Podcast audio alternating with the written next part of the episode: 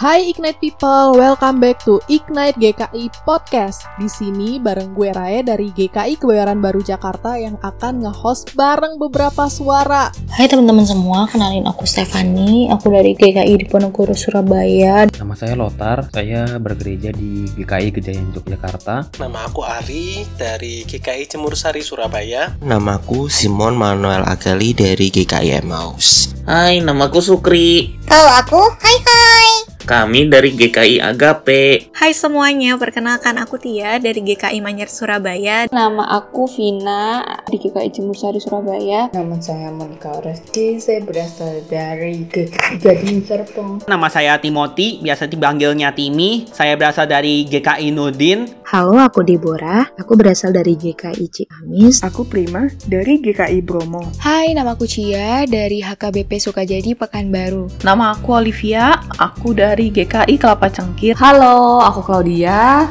tinggal di Depok. Namaku Sandra dari GKI Blora. Aku Gia, aku anggota GKI Cikarang, tapi karena masih di Jogja, aku lebih aktif pelayanan di GKI Gejaya. Namaku Aldo, asal gerejaku dari Gereja Okumene Kristen Botang, Kalimantan Timur. Nama aku Esther, asal gerejaku HKBP Bethesda. Halo, aku Anggi dari GKI Putih. Gue Jeremy dari GKI Pamulang.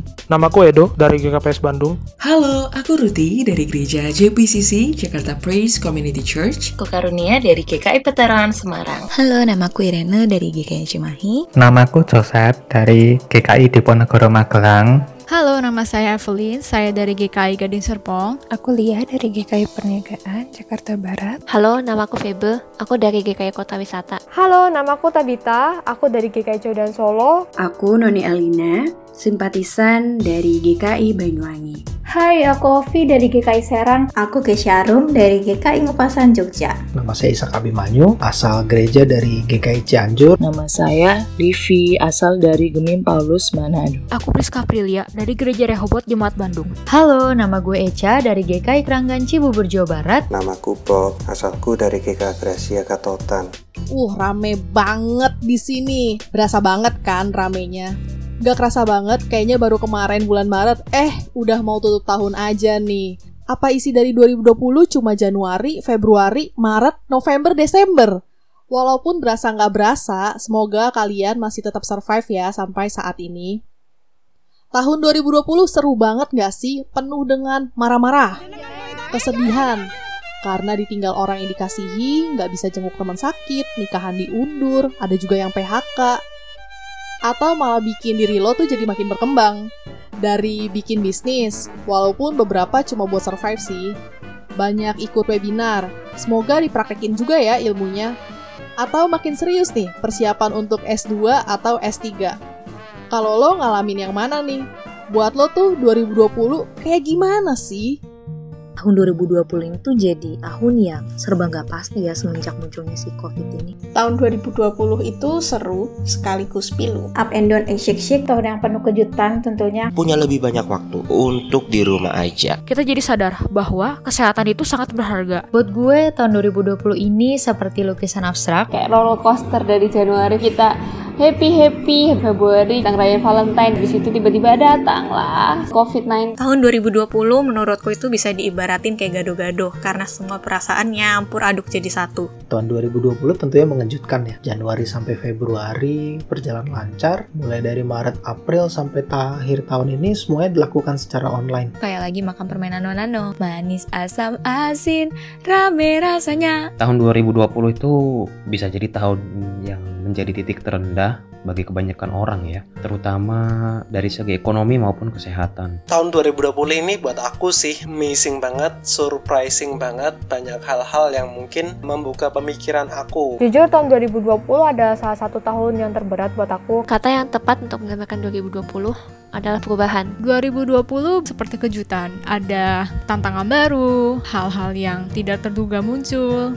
Wow, super duper menegangkan. Di awal pandemi, I broke up with my boyfriend yang actually kita sahabatan udah 10 tahun sejak SMP. Pacaran udah hampir 4 tahun juga. But suddenly diputusin lewat WA. Gue bukan hanya kehilangan pacar, tapi sahabat. Made me so insecure and jadi orang yang negatif gitu. Hubungan gue dengan diri sendiri dan dengan orang lain tuh jadi bermasalah semua.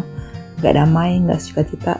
Apalagi pandemi, kita gak bisa ke mana-mana berbicara tentang 2020, pastinya kita semua akan membicarakan tentang corona. Siapa sangka hampir setahun penuh, kita semua seolah-olah dibuat berhenti sejenak dari kehidupan yang biasanya kita jalani. Namun aku rasa itu juga yang bisa kita syukuri. Kadang kita perlu berhenti sejenak dan kembali melihat bahwa Tuhan masih terus bekerja dan memelihara. Tahun ini adalah sebuah kesempatan untuk banyak berdiam diri di kamar aja yang ternyata sebelumnya itu merupakan sebuah kemewahan atau sesuatu yang aku hindari dengan sibuk sana sibuk sini. Berapa kali itu terkuras secara emosional dalam menghadapi situasi pandemi ini. Tapi ketika aku look back di history media sosial, misalnya di IG Stories kayak gitu, aku baru ngeh kalau ternyata di tahun ini tuh tetap banyak hal baru yang aku nikmati. Dari mulai teman-teman baru, hobi baru, dan bahkan proyek kerjaan yang baru. Belajar dan belajar lagi untuk beradaptasi dengan apa pun yang terjadi. Menurut gue sih menarik karena segala sesuatunya serba baru. Hal yang paling aku syukuri aku bisa lulus tepat waktu dan cum laude sesuai yang aku rencanakan dari awal aku masuk kuliah. Banyak banget transisi yang aku alami tahun ini, mulai dari ngerjain tesis, lulus, nyari kerja, mau pindahan tapi nggak jadi-jadi. Seneng dan bersyukur banget karena tahun ini boleh menghabiskan satu tahun full bareng-bareng keluarga. Masalah dan pergumulan yang aku hadapi di tahun 2020 juga menjadikan aku untuk semakin mengenal diriku lebih lagi. Tahun ini aku juga dapat kesempatan untuk mengembangkan potensiku di bidang memasak dan juga mencoba hal baru. Salah satunya adalah dengan merekam podcast ini. Aku bisa merasakan kuliah online untuk pertama kalinya. Dibilang santai ya emang santai, tapi tugasnya ya gak santai. masih banyak yang bisa disyukurin. Kita masih bisa berkumpul bersama keluarga, kita masih bisa mengikuti kuliah, kita masih bisa melakukan kegiatan-kegiatan dan mungkin juga bisa membantu orang-orang yang kekurangan di sekitar kita. Pekerjaanku sebagai guru yang biasanya offline sekarang jadi online, di mana aku handling buat anak-anak, anak-anak kecil, tumbuh kembangnya, cara ngajarnya itu membuat lumayan stres gitu loh awal-awal. Karena masih bingung gimana sih cara ngajar anak kecil dengan via online gitu. Ya yang paling menarik adalah banyak orang jadi lebih mau berbagi sama orang lain sih.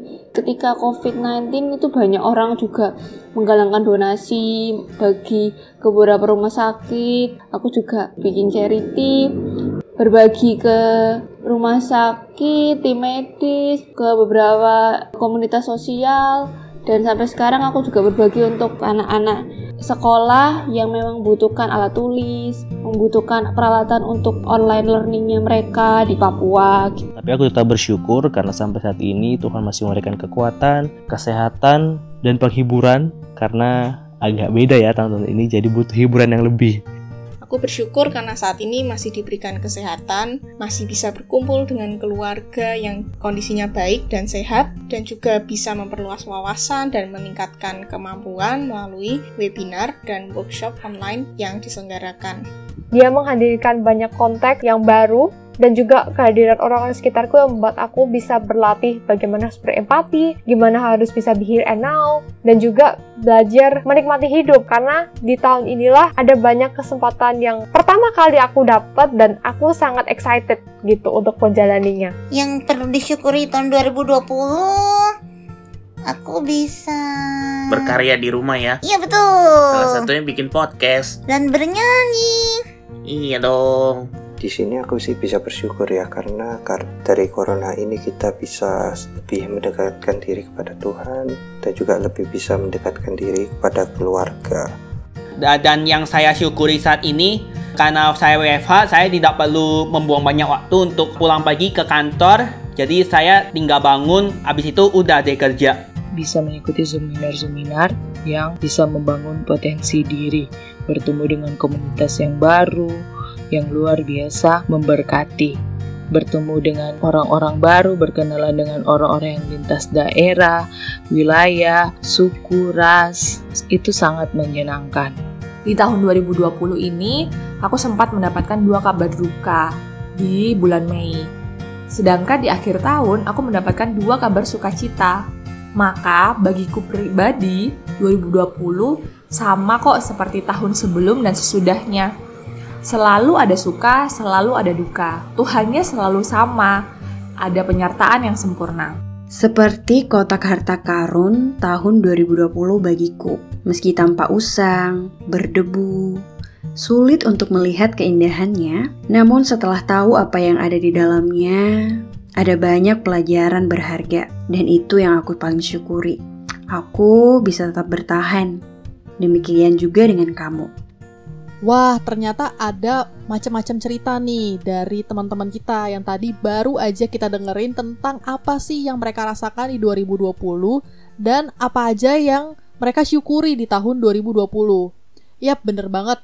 Kalau misalnya tahun 2020 itu sebenarnya kalau dilihat-lihat ya, ya sama aja kayak tahun-tahun di sebelum tahun 2020. Bedanya di tahun ini memang ada namanya pandemi. Cuman kan di tahun-tahun yang sebelumnya kita juga ngerasain ya apa itu suka dan juga duka gitu. Kadang kita ngalamin hal-hal yang senang banget, bikin kita happy, tapi kita juga bisa ngalamin hal yang membuat kita tuh sedih, marah-marah, kecewa. Tapi dari semua yang kita rasakan, ada Tuhan yang sama yang terus menyertai kita dan bisa menghibur kita di kala kita lagi sedih, ataupun juga meredakan kita di saat kita sedang marah-marah, dan juga membuat kita tuh agak lebih humble ketika kita lagi di masa yang happy-happy. Karena nggak bisa kumpul-kumpul, Maret 2020 kita semua jadi ngalami namanya kebaktian online. Buat beberapa orang, ini tuh berasanya aneh banget. Padahal tuh zaman dulu kita juga ada namanya kebaktian online tapi masih di TV, TV swasta nasional. Kalau sekarang kan adanya di YouTube. Anak 90-an pasti tahu dong ya. Evangelis John Hartman yang legend itu. Tapi tahun ini kan pastinya beda. Kalau dulu yang di layar kaca jadi additional. Nah, gimana nih perasaan kamu nggak cuma kebaktian, tapi juga Paskah dan Natal secara online? Ya rasanya sih pasti beda banget ya. Lebih beda aja. Jadi kayak lebih sepi, terus kurang rame. Sebenarnya kangen ya untuk kebaktian di gedungnya langsung gitu. Adaptasi new normal tuh kadang awkward sih. Apalagi kalau misalnya kamu yang disuruh jadi pelayan karena biasanya ada jemaat tapi kali ini mereka cuma di YouTube gitu. Masih inget banget gimana seharusnya aku ikut kebaktian Paskah dengan salah seorang kawanku di bulan April. Namun adanya pandemi sejak Maret tentu membatalkan rencana itu. Ternyata menjelang akhir tahun, pandemi masih belum berakhir, sehingga ibadah Natal masih akan dilaksanakan secara online. Ya, agak sedih sih, karena aku sudah sangat merindukan suasana ibadah di gedung gereja, menyanyikan pujian, dan saling menyapa dengan para jemaat lain. Tapi mari kita doakan saja ya para tenaga kesehatan yang sedang berjuang di garda terdepan. Kalau menurutku agak kurang dikit sih karena kita tidak banyak bertemu orang-orang, teman-teman, jemaat di gereja, eh, bersalaman, berpelukan dengan teman-teman karena mungkin itu lebih dapat ya Natalnya gitu ya karena kebersamaannya. Oh ya, dan walau ibadah udah berjalan via online, rindu banget sih nyanyi dengerin musik kayak dulu. Nyanyi bareng sampai bulu kuduk merinding tuh kangen gue gitu. Di satu sisi bikin aku kangen uh, ibadah tatap muka tapi ibadah online juga ada serunya sih. Aku masih bisa mengetahui hal-hal yang terjadi di gereja-gereja lain. Uh, tentang musik-musiknya tentang firmannya style ibadahnya itu bagus banget.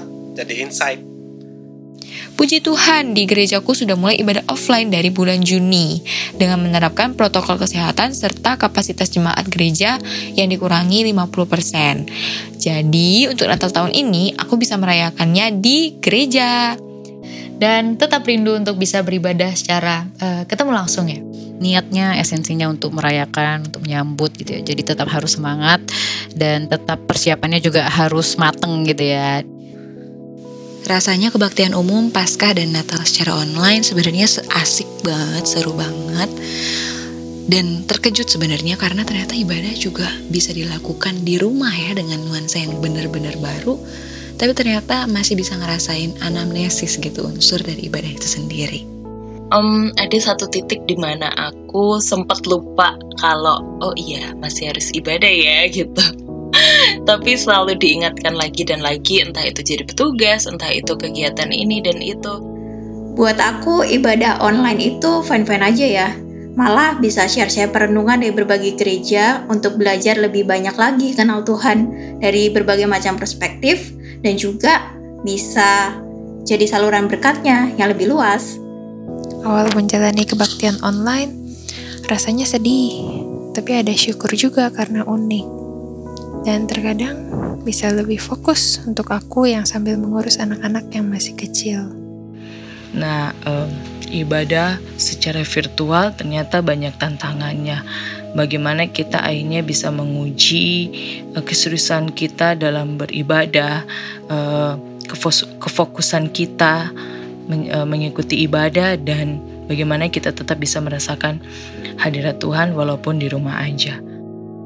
Tahun ini ibadah menjadi agak aneh ya karena daring, keterbatasan fisik, tidak leluasa untuk bersekutu. Bukan tangan-tangan tersendiri di mana saya harus menyiapkan konsentrasi lebih untuk mendengarkan firman Tuhan. Namun saya sangat-sangat senang karena gereja menerapkan protokol kesehatan yang begitu ketat untuk menjamin keselamatan jemaatnya. Sedih tentunya. Ingin bisa salaman, ngobrol, nongkrong sepulang ibadah, tapi sekarang masih belum bisa. Kalau bukan Tuhan, kalau bukan karena Tuhan, sulit rasanya untuk bisa mengucap syukur. Kalau kebaktian umum gimana rasanya? Online? Hmm, pertama-tama sih semangat. Ya. Lama-lama bosen. Ngantuk bosen ya. Ya, tapi harus berjuang lah, kan harus beribadah. Kebaktian Natal kali ini aku tugas di kebaktian offline. Rasanya deg-degan sih, soalnya banyak banget penyesuaian yang harus dilakukan menjelang hari H. Dari awalnya kayak apa harus berubah karena protokol kesehatan yang diperketat. Jujur, selama hampir setahun ini jadi petugas terus ya, ngebantu live streaming, jadi rasanya ya kurang lebih masih sama seperti yang biasa. Asik, gara-gara online nih, pemuda tuh jadi lebih diperhitungkan gak sih? Kita tuh jadi kayak dianggap gitu. Tapi di sisi lain kita jadi lebih sibuk sana-sini, karena kita mesti ngurusin multimedianya gereja. Buat beberapa orang, 2020 emang jadi sucks banget. Bahkan buat gue sendiri, kan gue jadi susah ya ketemu sama temen, susah buat jalan-jalan, makin susah nemu calon jodoh. Buat beberapa orang, income-nya juga berkurang. Beberapa yang gue tahu bahkan mereka juga ngalami namanya wisuda online, angkat sumpah online. Nggak ada tuh momen-momen foto kebayaan depan rektorat atau simbol dari kampus lo. Atau bareng teman-teman lo deh minimal. Sampai Mbak Nana semangatin wisudawan online. Nah, 2021 udah menghitung hari nih. Welcome to 2021.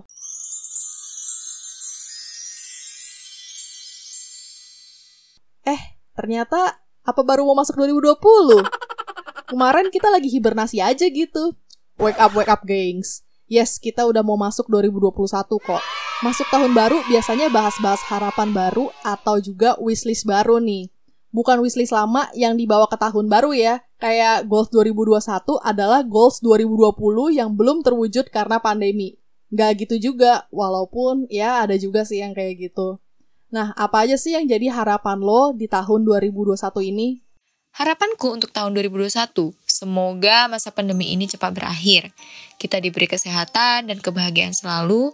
Apa yang belum tercapai nih di tahun 2020 bisa terwujud di 2021.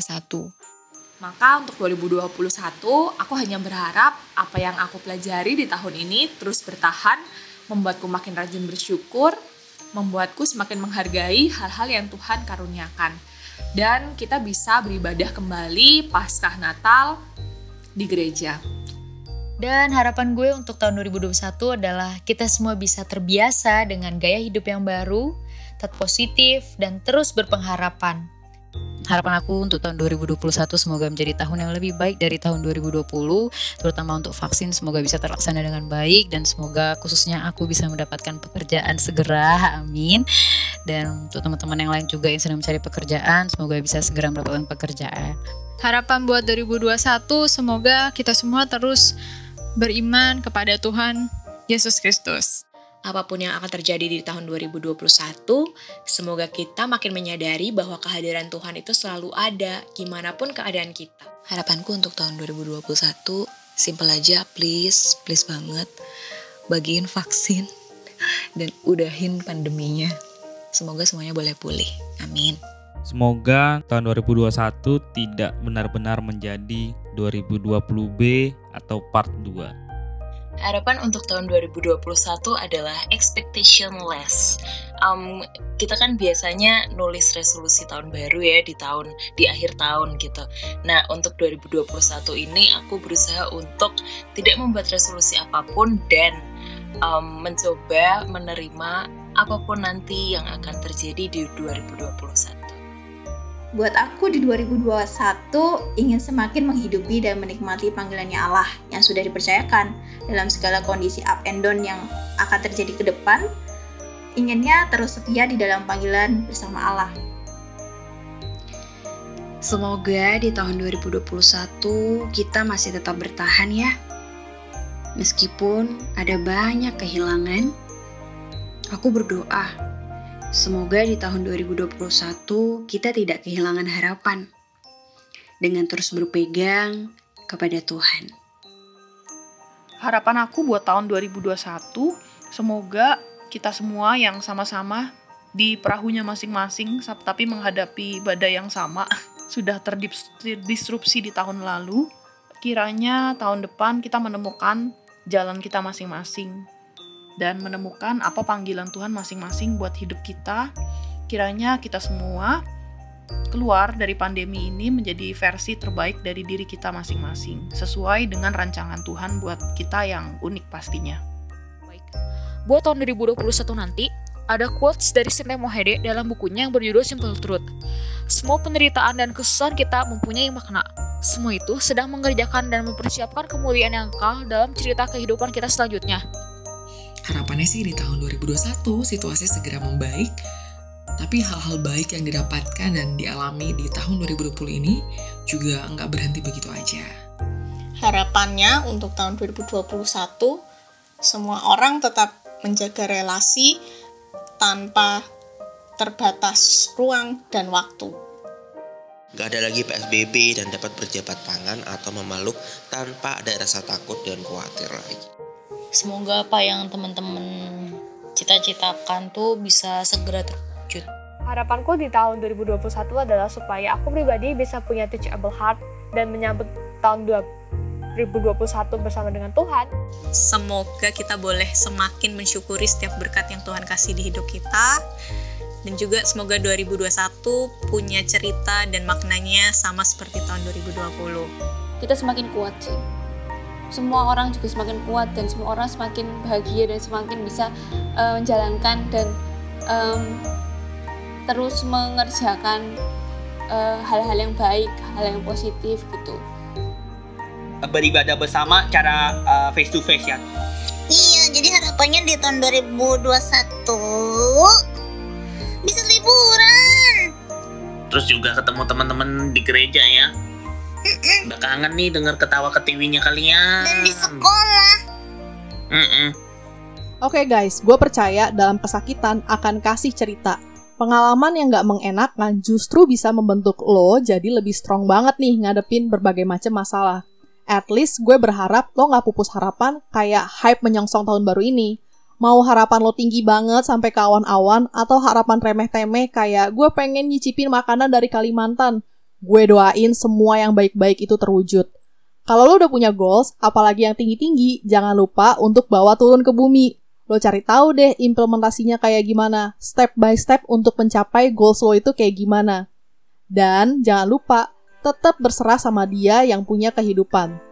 Thank you udah dengerin podcast ini, bahkan juga podcast-podcast di episode sebelumnya. Jangan lupa untuk follow dan subscribe kita di Spotify, Instagram, YouTube, dan main-main ke website kita di www.ignitegki.com.